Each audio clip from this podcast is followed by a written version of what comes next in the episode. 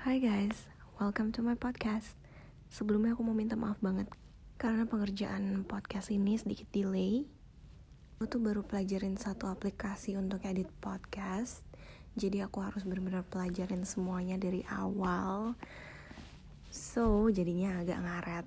Well, di podcast aku yang sekarang ini, yang keempat, aku akan nyeritain tentang cerita horor yang beberapa di antaranya mungkin udah cukup terkenal di airlines-airlines tertentu. Di kalangan pramugari-pramugari di airlines tertentu maksud aku. Tapi ada beberapa cerita juga yang kurang banyak diketahui orang karena cerita itu merupakan pengalaman pribadi kita. Jadi nanti udah ada dua orang narasumber yang bakal aku undang buat ngobrol-ngobrol di podcast aku. So tanpa berlama-lama lagi kita mulai aja ya langsung ngobrol-ngobrolnya. Jadi di sini udah ada Ci Afrin dan Ci Aris. Ci Afrin ini adalah senior aku di SQ, tapi sekarang dia udah quit. Dan Ci Aris adalah senior aku pas kuliah dan sekarang bekerja di Qatar Airways. Dulu ya, dari aku deh, aku cerita dulu deh. Kalau mau confirm nih, kira-kira Ci Afrin udah pernah denger belum sebelumnya? Karena aku diceritain ini sama GS, sama pramugari uh -huh. ngalamin kejadian ini langsung. Oh ya? Hmm. Ini di pesawat banget. Ini di pesawat. Terus waktu itu kan kita lagi laut period bareng kan. Uh -uh. Akhirnya nggak tahu gimana kita lagi malah ngomongin cerita hantu gitu. Nah, uh -uh. jadi ceritanya waktu itu tuh kalau nggak salah antara on the way ke London atau Haneda gitu pokoknya pakai pesawat triple seven WR. Mm-hmm. Nah, pramugara ini dia kerja di ekonomi di bagian pesawat paling belakang. Jadi, mm-hmm. aku nggak tahu sih konfigurasi pesawatnya SQ sama Qatar tuh sama atau enggak. Uh. Belakang kalau triple seven tuh ada kubang deket sama kubang tempat. Oh iya iya, iya. sama kok sama. Kubangnya yang ada delapan ada di sebelah kanan sama kiri ya, iya kanan kiri empat empat. Berarti sama ya? bayangin ya kan kayak gitu. Kayak kapsul hotel gitu kan. Nah kan jangan akses ke belakangnya itu kan sempit. Jadi kalau cowok itu harus duduk sedikit. Iya. Iya harus iya iya harus. Terus GS ini si pramugara ini ngeliat di sebelah kiri bang mm -hmm. pertama ada perempuan lagi nyisir rambut, rambutnya panjang. Biasanya memang kalau misalnya dan atau di twist kan ada beberapa orang yang suka lepas rambut. Yeah. Kalau di SG sendiri tuh grooming guide untuk hair itu ada empat mm -mm. boleh di boleh di twist, boleh di bob, sama satu lagi French plait kalau nggak salah. Mm -mm. Cuman yang paling memang French twist dan sama bob gitu. Nah terus uh, pas si cewek ini lagi nyisir rambut, si GS ini ngelihat mukanya cuma sebelah doang, jadi kayak gak terlalu perhatiin banget gitu. Tapi hmm. ya biasalah kan namanya juga uh, kolik sih ya biasa sapa-sapaan gitu lah bahasa basi kan. Uh -uh. Kebetulan si gorden yang buat di banknya itu kan belum ditutup sama dia. Uh. Biasa si GS ini kayak uh, bahasa basi kayak eh what are you doing ya gitu pasti kemudian kan jadilah you your like that gitu. Terus gitu akhirnya di JS ini udah jalan lagi gitu kan nyari bank kosong. Uh-uh. tapi nih cewek juga nggak gitu doang ya cuma disir akhirnya so, restnya selesai. Dia mm-hmm. turun tuh ke bawah. Mm-hmm. habis selesai toilet beres-beres segala macem pas dia nyampe Delhi ada passenger marah-marah. Bilang apa? Passengernya kayak bilang intinya gue udah minta air dua kali mm-hmm. ke steward foto yang pakai baju biru mm-hmm. yang rambutnya ditutup tapi dia nggak datang datang pokoknya dia marah banget karena dia bilang dia tuh mau minum obat apalah biasa lah ya terus kayak gitu si pramugara ini akhirnya si GS ini bilang kayak ya udah sorry ya kayak gue juga baru balik nih dari tes gitu mm-hmm. ini nih minumnya gitu gitu ya akhirnya dia entertain lah diajak ngobrol sama GS ya supaya orangnya juga calm down gitu kan mm-hmm. nah akhirnya si passenger ini balik ke seat supervisor tiga itu balik dari toilet mm-hmm. akhirnya dia report dong report ke si supervisor ini dia bilang oh, tadi ada fax tuh marah-marah katanya udah minta dua kali ke FSS yang di twist tapi ini nggak dikasih kasih airnya dia bilang gitu maybe J, J class girl kali gitu maksudnya Mm-mm. maybe itu steward yang di bisnis class soalnya Yang kan soalnya kan di tempat kita Bantuin ya. semua, gitu. Kenapa Kalau lar period kan yang dari Jack Class turun ke EY kan bantuin, turun ke bisnis eh, ke Iya, ekonomi biasanya bantuin. nah dia mikirnya Hmm. mungkin yang dari kelas gitu Mm-mm. terus LSS-nya bilang gini hah all the all the flight stewardess on this flight is Bob you know dia bilang gitu hah oh Wah, gila. Gue merinding terus. Jadi yang twist itu siapa? nah Jesse tuh stun gitu kan kayak gak mungkin kayak dia bilang ke aku kayak I'm not blind you know kayak dia bilang waktu itu gue ngobrol sama orang yang rambutnya panjang dan bajunya biru dia bilang gitu. Mm-mm. katanya mata gue tuh belum rusak dia bilang kayak gitu kan. Tapi dia cuma keep quiet doang maksudnya dia nggak berani ngomong sama siapa pun karena dia udah merinding. Maksudnya dia udah takut banget tuh pas itu. Iya pas on the way back dari station ini dari either London atau Haneda aku lupa Mm-mm. dia baru berani cerita sama aku kalau misalnya ada kejadian itu gitu terus yang gilanya lagi adalah yang orang first rush yang Mhm. pas sektor itu Mm-mm. ternyata ada yang tidur di bank itu dan bukan cewek rambut panjang oh Ah, gila. si cewek itu tuh makin makin menggila lagi si cewek ini makin kayak "Hah?" kayak kaget gitu Gila. makin lah yang kayak gitu kayak dia bilang itu tuh kayak gue nggak bisa lupain sih itu kayak hal yang gue alamin sendiri. Biasanya gue cuma denger denger doang dia bilang kayak gitu. Jadi Gila, pas gila. dia, jadi pas lagi crew rest itu dia ngelihat orang yang rambutnya panjang pakai seragam SQ, nggak ganti baju gitu ya?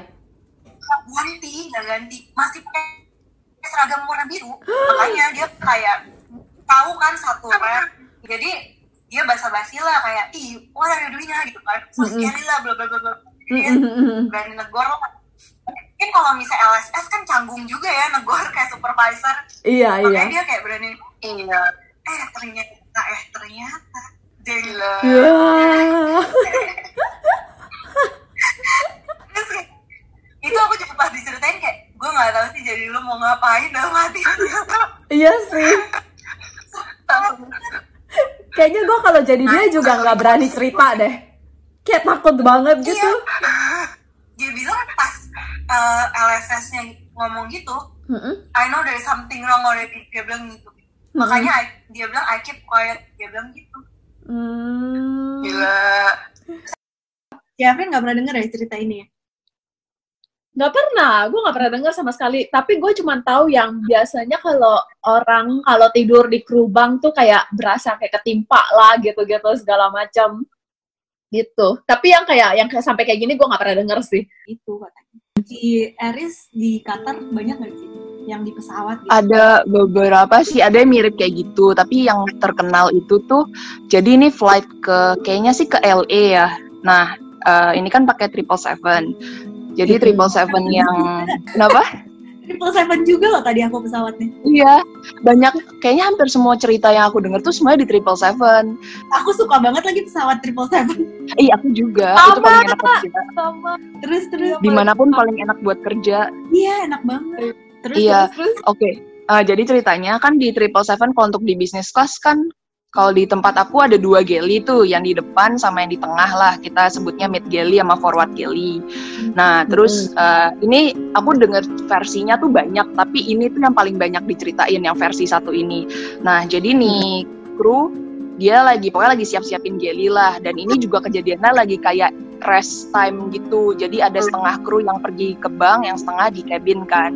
Nah terus ada ibu-ibu Mm-mm. datang ke si kru ini. Dia bilang oh tolong kasih eh, kopi ke suami saya duduknya di satu kak Eh, dia mau kopinya black sugarnya dua terus nggak pakai susu terus kopinya eh, kalau Mm-mm. bisa yang double shot espressonya pokoknya yang mau pahit tapi ada gulanya dikit. Oke deh pokoknya dibikinin tuh sama si krunya. Terus habis itu udah jadi kan eh, kalau di tengah itu kalau lagi rest ada dua kru. Terus dia bilang ya udah deh gua nganterin aja ke si bapaknya ini.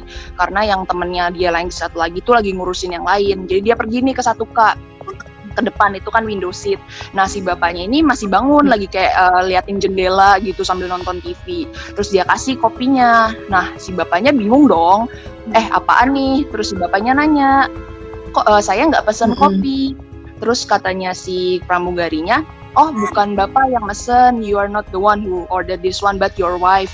Dia bilang e, mau kopi ini, terus disebutin kan kopinya dua ini, apa dua shot, terus sama gula. Terus si bapaknya diem, abis itu nangis. Terus kan pramugarinya bingung dong, kenapa sih? Terus ternyata bapak bilang, istri saya itu udah meninggal dan saya di pesawat ini tuh bawa bodinya, bodinya tuh lagi di kargo. Jadi dia balik ke negara itu bawa badan istrinya. Oh my god. Iya, terus bapaknya nangis terus si ini, hah seriusan? Iya, terus abis itu kan dia pergi dong ke uh, kita sebutnya CSD kayak pursernya gitu. Dia cerita kejadiannya, mungkin dia di kerjaan atau apa. Terus si pursernya bilang, hah seriusan? kan kalau di uh, kantor aku kalau misalnya kapten sama purser di pesawat itu kan dia ada listnya gitu loh kalau memang ada body yang dibawa dan emang benar bapak ini tuh bawa body on board maksudnya yang di kargo itu badan istrinya jadi ya minta ist itu tuh istrinya ini serem sekaligus sedih gitu sih ceritanya tapi terkenal banget kalau di kantor aku tuh Merinding gitu. Gila gue merinding banget. Kalau dari keterangan ciri-ciri orangnya itu sama nggak sama dari keterangan bapaknya tentang istrinya gitu dari segi fisiknya? Si bapaknya sih kalau yang dari versi yang aku dengar dia nggak nanya tapi pas dia ngerasain kopinya dan kayak tahu detailnya karena cuma katanya cuma istrinya yang tahu gimana Hmm. cara bikin kopi buat dia yang kayak double shot espresso terus campur gulanya yang segini sampai detail gitu loh kan nggak mungkin kalau orang lain yang bisa bikin kayak gitu Iya, iya. Wah, gila sih itu sih. Gue kalau jadi stewardessnya bisa kayak, wah. Kalau Cik pernah dengernya cerita tentang apa Cik? Kalau aku cuman yang itu loh, kamu tau gak sih yang hotel kita yang di Narita? Oh, kalau yang hotel di Narita tuh kalau nggak salah kayaknya Qatar juga stay di situ nggak sih? kayaknya ya yang ini nggak sih deket deket airport bukan Garden Iya, Inn. iya garden apa gitu. kalau di hotel itu pernah ngalamin langsung. Enggak sih, aku nggak pernah ngalamin langsung. Nah, terus Hmm. waktu itu nih aku di sama anak Indo. Nih, dia anak Indo. Ini tuh dia eh, punya saudara. Saudara tuh dia tinggal di, di Tokyo kan. Nah, jadi di saudaranya itu nginep bareng sama dia gitu malam itu. Nah, terus udah kayak gitu saudaranya itu itu nggak bisa tidur gitu. Terus dia tapi dia tidur-tidur aja. Terus udah kayak gitu besokan paginya besokan paginya tuh saudaranya cerita bilang sama dia bilang tahu nggak sih kamar kita tuh dari semalam itu ada yang duduk di depan nontonin kita tidur. Jadi katanya di ranjang-ranjang kan, terus kan ada atasnya gitu loh, kayak tembok yang atasnya ranjang gitu. Ya, oh my god Nah terus dia gitu, dia bilang katanya ada iya ada yang nontonin dari semalam, makanya gue nggak bisa tidur semalaman. Kalau di Qatar terkenal nggak sih hotel itu kayak eh, serem gitu? Lumayan tapi ada beberapa hotel yang lebih terkenal lagi. Beberapa destinasi yang kayak kalau udah dapet ini tuh mendingan udah tidurnya bareng-bareng aja deh sama kru yang lain. Kalau di Qatar tuh itu- Kathmandu sama Bangkok.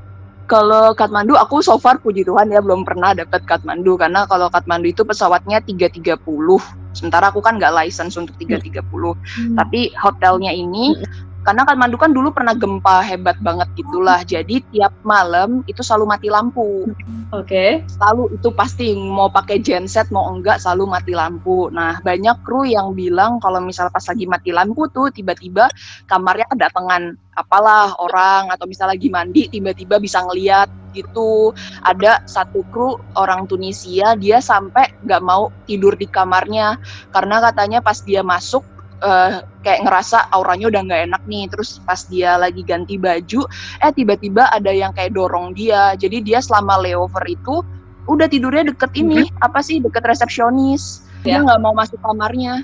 Kalau yang di Bangkok kan Gila. hotelnya hotel tua. Sama kalau kru-kru yang Thailand tuh udah selalu ngomong kalian kalau misalnya di hotel ini kalau pesan makanan atau misalnya makan misalnya masakannya tuh ada dagingnya atau apa kalau nggak habis taruh di luar jangan disimpan di dalam karenanya Hmm. kata mereka tuh karena di sini banyak jadi eh, suka se- setannya suka datang gitu buat makan yang kayak gitu.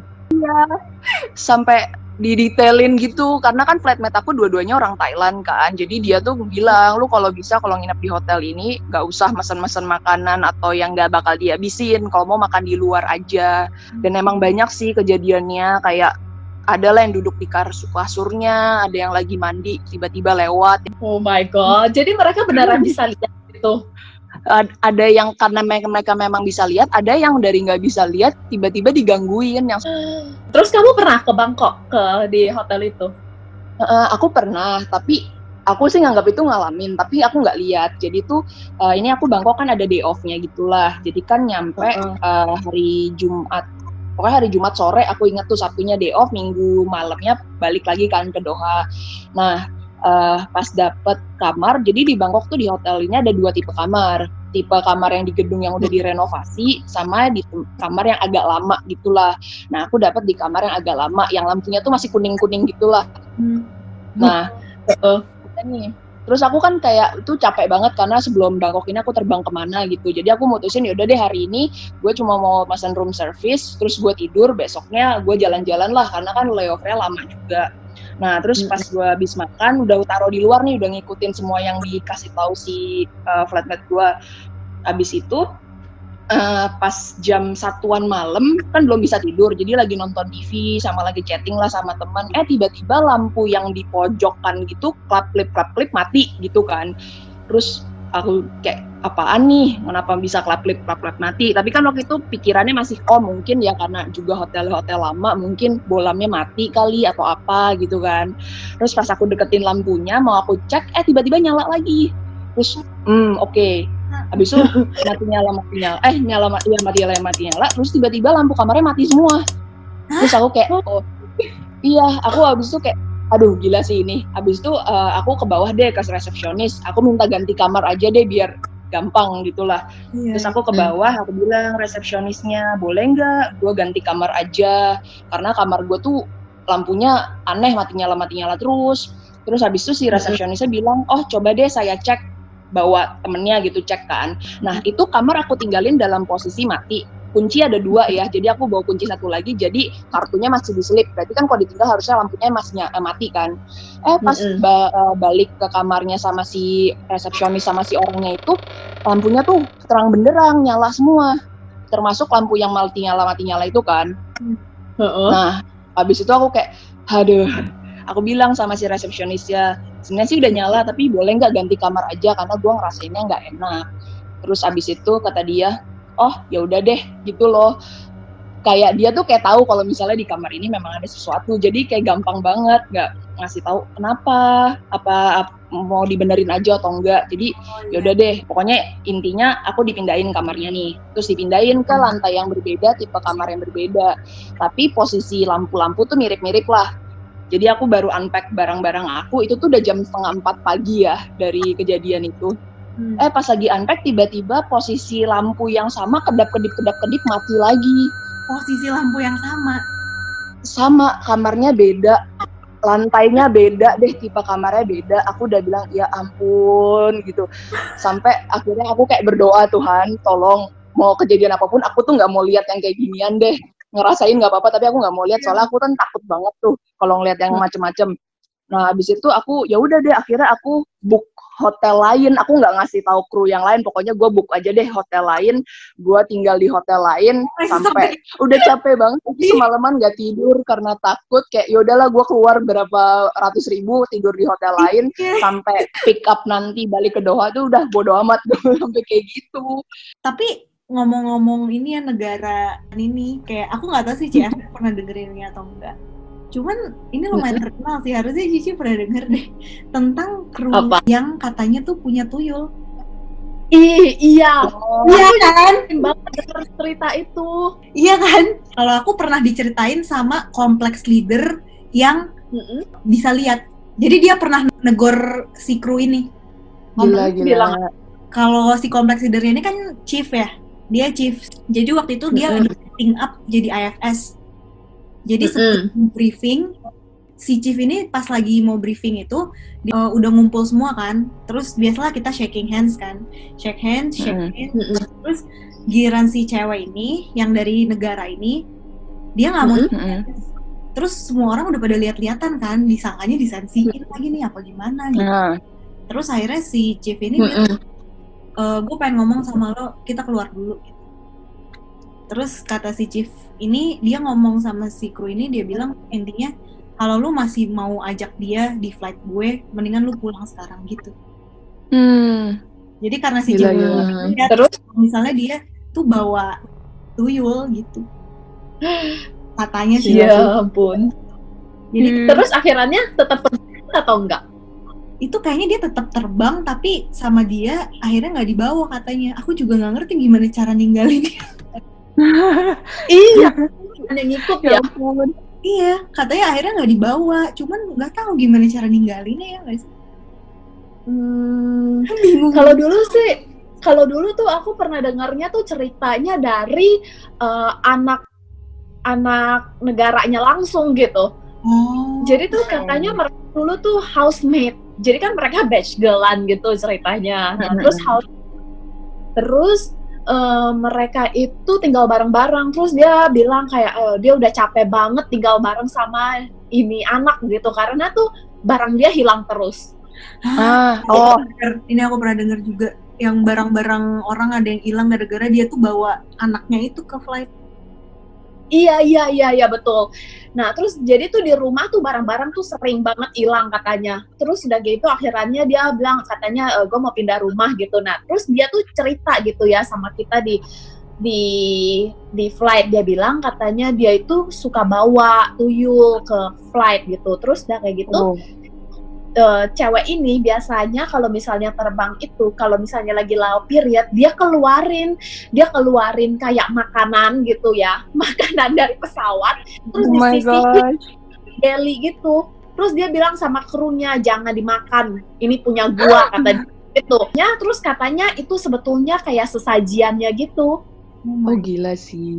jadi apa namanya? Iya kan? Disisihin di casserole gitu kayak di Iya iya iya di casserole gitu. Terus katanya ada disiapin minumannya, makanannya segala macam gitu disisihin dah pokoknya. Terus dia bilang pesan dia pesan sama kru ini punya gua ya nanti gua mau makan jangan di jangan di apa-apain pokoknya gitu.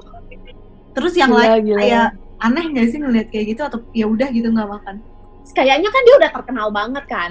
Kamu tau gak sih yang dia sampai kayak fotonya tuh kayak di share di grup chat di mana-mana gitu. Itu tuh fotonya lumayan sering di share di grup chat gitu. Waktu itu dia masih pas di foto itu ya, itu dia masih bob hair gitu, terus kayak ditulisin nama lengkapnya. Jadi kayak nama panjangnya Staff mereka. number. ID biasa di paspor tuh namanya itu, terus ditulisin juga staff numbernya sama nama panggilan dia kalau di pesawat itu apa. gila itu sih dia jadi kayak diiniin banget ya ditakutin orang-orang Iya. kayak gitu ditakutin bener sampai batch girl aku hilang uangnya pas flight bareng dia. Waktu itu kan dia jadi batch girl aku tuh eh, ini kan apa ada flight ke London ya kalau nggak salah. Nah terus dia Hmm. tuh ngeliat di roster dia gitu dia buka roster terus dia ngeliat eh eh, dia nanya sama aku Frit lu tau, lu masih inget nggak sih anak yang ini yang bilang yang katanya suka bawa tuyul itu segala macam gini gini gini gini coba dong gue itu dong lu masih ada nggak sih fotonya di grup chat? Coba dong cariin. Gue pengen lihat ini bener gak sih anaknya katanya gitu. Terus ya udah gue set fotonya gitu. Terus udah kayak gitu eh, dia ngeliat gitu. Terus temen gue bilang eh beneran lo gue bakalan terbang nih sama dia katanya kayak gitu. Gimana ya Frit ya? Gue terbang nggak? Gitu. terus gue bilang John Bokesh. Iya terus bilang ya terbang aja lah masa nggak jadi terbang gara-gara dia. Terus kayak top gitu. 10 aja dia. Pas lagi waktunya kayak dia tuh baru pas dia mau nulis tulis baru ketahuan kalau ada dia gitu loh. Jadi mungkin kayak ucapannya atau udah beberapa jam lagi dia bakalan terbang. Terus kan nggak mungkin kan kayak MC atau nggak report for flight gitu. Terus ya udah udah Mhm. terbang terus akhirnya dia terbang. Terus udah gitu gue bilang apa dia iya nanti jangan lupa ya duitnya semuanya disimpan begini begini begini. Terus dia bilang iya iya iya oke katanya.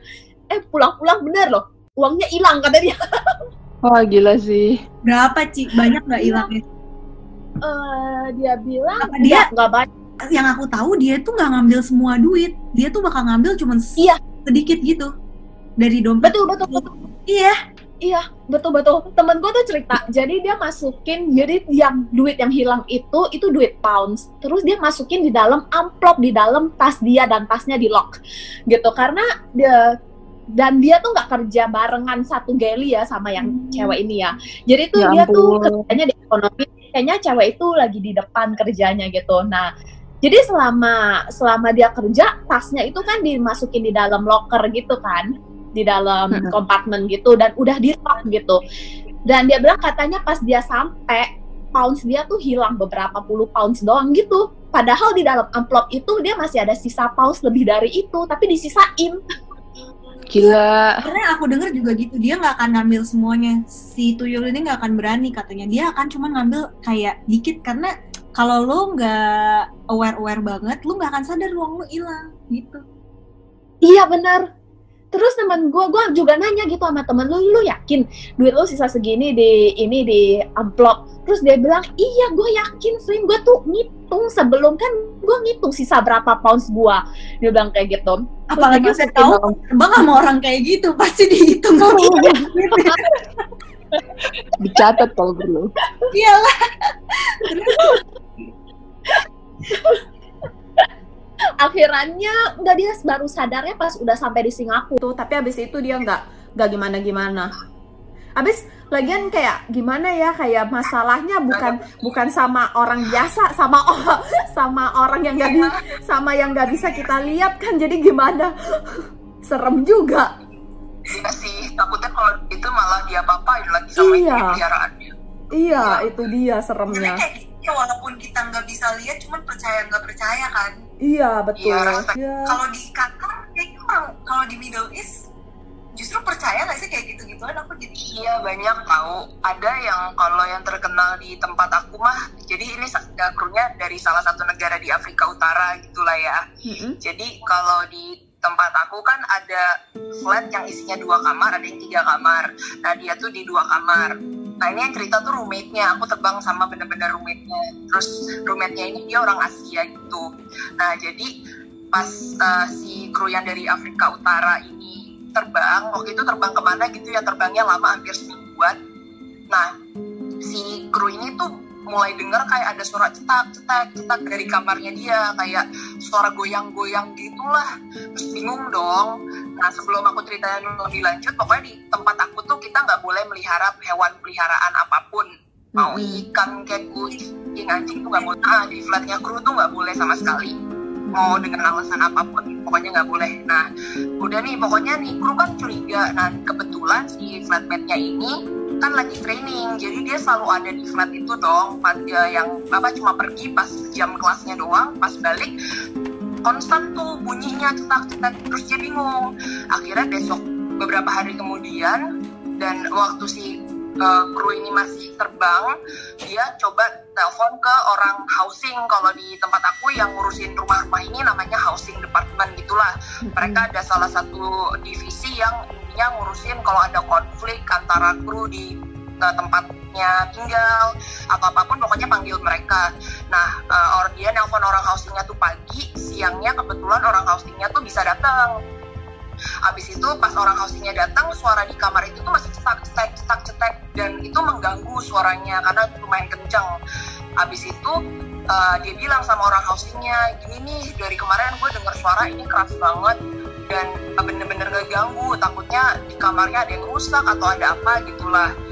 Abis itu si orang housingnya pas dengerin dan emang itu suaranya kencang terus mulai nyium kayak ada bau-bau aneh gitu loh dari dalam kamarnya. Kalau menurut aku dari yang dia ceritain tuh menurut aku itu kayak bau kemenyan. Tapi kalau orang-orang yang kayak gini kan belum kurang tahu namanya kan. Soalnya kata dia itu wangi tapi wanginya bikin serem yang aneh gitu terus abang ah ini janjian kemenyan nih. nah di situ akhirnya si orang housingnya mutusin dia nelfon manajernya dulu boleh nggak buka pintu kamar ini? Karena biasanya kalau harus masuk ke kamarnya kru harus minta izin sama krunya. Tapi karena ini kondisi ada suara yang aneh ada bau yang lumayan aneh dan menurut dia itu kayak urgent akhirnya dia panggil security juga lah buat jadi saksi sama akhirnya kan mereka ada kunci master. Dia buka tahu nggak di dalam ruang kamarnya tuh ada apa? Ada kucing hitam di dalam keranjang gitu loh. Apa? Di dalam apa tuh kayak uh, penjara gitu buat kucingnya. Kucingnya mulutnya dijahit terus di dalam kamarnya cat hitam. Padahal ya kalau di kantor kayak tempat aku tuh kamar semuanya catnya putih gitu loh. Dicat ulang warna hitam terus di ujungnya tuh ada foto-foto banyak foto-foto cowok tapi kayak ada yang kayak, kayak ilmu hitam gitulah dia apa-apain gitu. Dan banyak istilah banyak rambut-rambut yang sampai serem kayak gitu. Ternyata kayaknya itu kucingnya tuh dipakai untuk ilmu hitam gitu sama dia kayak voodoo atau apalah karena kan di sana kan ada lah yang kayak gitu Oh my god, gila serem banget. tahun serem sih Serem terus banget. jadi inilah jadi hot gossip deh tuh kayak gituan Iya. Itu gila banget. Dulu tuh heboh tuh dua tahun yang lalu dan aku pas kebetulan ke- eh, terbang sama si bener-bener flatmate-nya ini. Dia bilang eh, waktu terbang tuh dia bilang dia baru pindah karena ada masalah nih sama flatmate-nya. Jadi dia cerita-cerita ternyata oh lu tuh yang dideng yang lagi digosipin banyak orang rumahnya lu yang digituin gitu. Hmm. orang Tapi emang atau dipecat dikeluarin. Oh, di iyalah ya udah kayak nggak nggak obey sama rulesnya housing terus di dalamnya yang aneh kayak gitu Iya, gila itu sih serem banget sih. Terus yang cetak-cetak itu apaan? Kucingnya? Jadi kucingnya tuh mau keluar kayaknya dari kandangnya itu loh. Oh. kan bener-bener dikandangin kasihan sih karena mungkin ya karena kan dijahit kan mulutnya dijahit pantesan nggak ngeong Ya serem banget. kalau Atar itu kan dia banyak nationality jadi ceritanya tuh macem-macem dan kayak mind blowing gitu loh oh bisa ya Hmm. tapi kalau di ini kalau di Qatar itu sih kayak ada ini gak sih? Setan khasnya gitu. Kan tuh original gitu. Maksudnya asli Doha. di dapur tuh kita nggak ada iya nggak sih? Mereka tuh hantunya sama-sama kayak Indonesia aja Iya, gitu loh, betul. yang kayak Kuntilanak gitu. ada yang dinamain kayak kita tapi kebanyakan kalau yang teman-teman aku lihat yang di pesawat ataupun mungkin di tempat tinggalnya mereka tuh eh, cewek pakai abaya tahu kan yang warna hitam gitu loh abaya aku kurang abaya tuh kayak apa sih yang eh, jilbab tapi yang warna hitam semua dari atas sampai bawah Oh. cuma kelihatan matanya nah itu Mm-mm. karena yang eh, cerita kamu yang pertama yang ada di pesawat triple seven yang cowoknya ngeliat di bank. Nah di Qatar tuh juga ada yang kayak gitu. Ada satu pesawat tuh yang terkenal banget. Itu katanya pesawat berantu itu triple seven yang pokoknya registrasinya tuh 3B Bravo Bravo Bravo. Jadi tiap lihat kayak Bravo Bravo Bravo oh ini nih yang terkenal. Dia triple seven yang di ekonominya tuh yang kecil. Kalau kita sebenarnya triple seven 200 oh yang long, long range lah kalau kita sebutnya di Qatar. Jadi kalau kru ini dia tuh waktu itu pas terbang dia baru pokoknya anak baru banget lah walaupun di tempat aku nggak ada senioritas tapi ya biasalah namanya anak baru. Jadi disuruh apa pun dia kayak antusias banget. Jadi pokoknya dia anak baru di ekonomi terus pas dia lagi nungguin boarding tiba-tiba dia disuruh buat bawa taruh tas isinya headset gitu eh, headset ekstra di bank. Jadi eh, pas boarding bisa eh, apa sih overhead binnya tuh kosong. Ya udah dong dia taruh di atas. Habis itu pas dia turun lagi si cabin supervisornya yang supervisor yang di belakang yang bajunya abu-abu kalau di tempat aku tanya loh kamu ngapain dari atas? Itu tadi disuruh sama si cabin supervisor yang satu lagi buat taruh ini tasnya. Ah Mm-mm. cabin supervisor. Kan nah itu yang satu lagi yang cewek. Terus dia bilang cabin supervisor itu cuma saya. Satu lagi namanya cabin cabin service director itu tuh yang di depan dan dia tuh cowok. Terus dia kayak ah seriusan? Iya. Habis itu dia kayak masih bingung kan. Yaudahlah mungkin dia salah lihat atau mungkin itu kru lain tapi dia nggak lihat ininya. Nah terus pas dia mau tidur pas dia jalan ke atas itu lihat lagi di ujung ada cewek pakai abaya. Nah kan dia baru namanya juga baru dia masih polos gitu dia bilang madam eh, ini bukan tempat WC WC itu oh my god Gila, jadi dia ajak ngomong. Oh my god. Iya, dia masih polos banget. Aku terbang sama dia pas dia udah jadi uh, F1. F1 tuh yang buat di bisnis kelas ya. Itu jadi ceritanya udah beberapa tahun yang lalu pas dia masih baru banget. Terus dia bilang, "Bi- eh, Madam, ini bukan toilet, toiletnya di bawah. Ini tempat tidurnya kru. Terus si madamnya itu nggak jawab. Kan di Hmm. ujung gitu kan, pakai baju hitam dia ingatnya pokoknya itu pakai abaya. Terus ah ini janjian madamnya nggak ngerti bahasa Inggris nih. Akhirnya dia inisiatif dong turun ke bawah nyari kru yang bisa bahasa Arab pas turun pas ngambil si kru ini terus krunya bilang oh bisa madamnya ke atas karena kan kalau mau masuk ke bank kan harus ada kuncinya dong kan kita harus tahu kata sandinya dong. Iya. ada code-nya. Heeh. nggak mungkin penumpang biasa bisa masuk ke sana. Dan itu tuh mereka lagi habis ngelakuin servis di mana nggak ada kru sekitar situ. Mungkin aja kan orang ada yang ngikutin kru di belakang gitu kan pas Mm-mm. pintunya belum ketutup. Tapi kan itu nggak ada kru sama sekali. Terus dia kayak baru sadar oh iya ya siapa dong?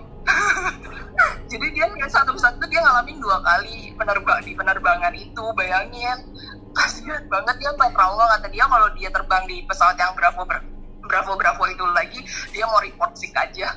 Ya, berarti di pesawat itu lebih dari satu dong. Iya kayaknya.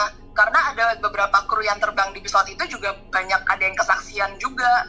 Ada yang kalau di bisnis class kan kalau di tempat aku kita namain itu yang kayak suitnya gitu kan. Jadi kan ada Hmm. pintunya tuh di tiap tempat duduknya. Mm-mm. nah harusnya tempat duduk itu kosong tapi pas mereka lewat kok kayak ada yang duduk. Tapi pas dicek takutnya kan ada orang eh, apa penumpang ekonomi yang duduk di bisnis kelas gitu kan karena lihat bisnis kelasnya kosong. Pas dicek lagi eh nggak ada orangnya. Terus pas dia pergi ada kru yang lewat lagi pas ngeliat kok ada orang lagi duduk di kursi ini. Terus dia ngomong ke supervisornya eh bantuin gua yuk ngomong ke orang ini biar gak duduk di kursinya bisnis kelas gitu kan habis itu pas didatengin gak ada lagi orangnya. Yang kayak gitu dan uh, kru yang di Kelly yang di dekat tempat itu bilang nggak ada siapa-siapa yang lewat nggak mungkin orang ekonomi juga masuk ke situ. Karena dia ngeliatin selama ini tuh nggak ada siapa-siapa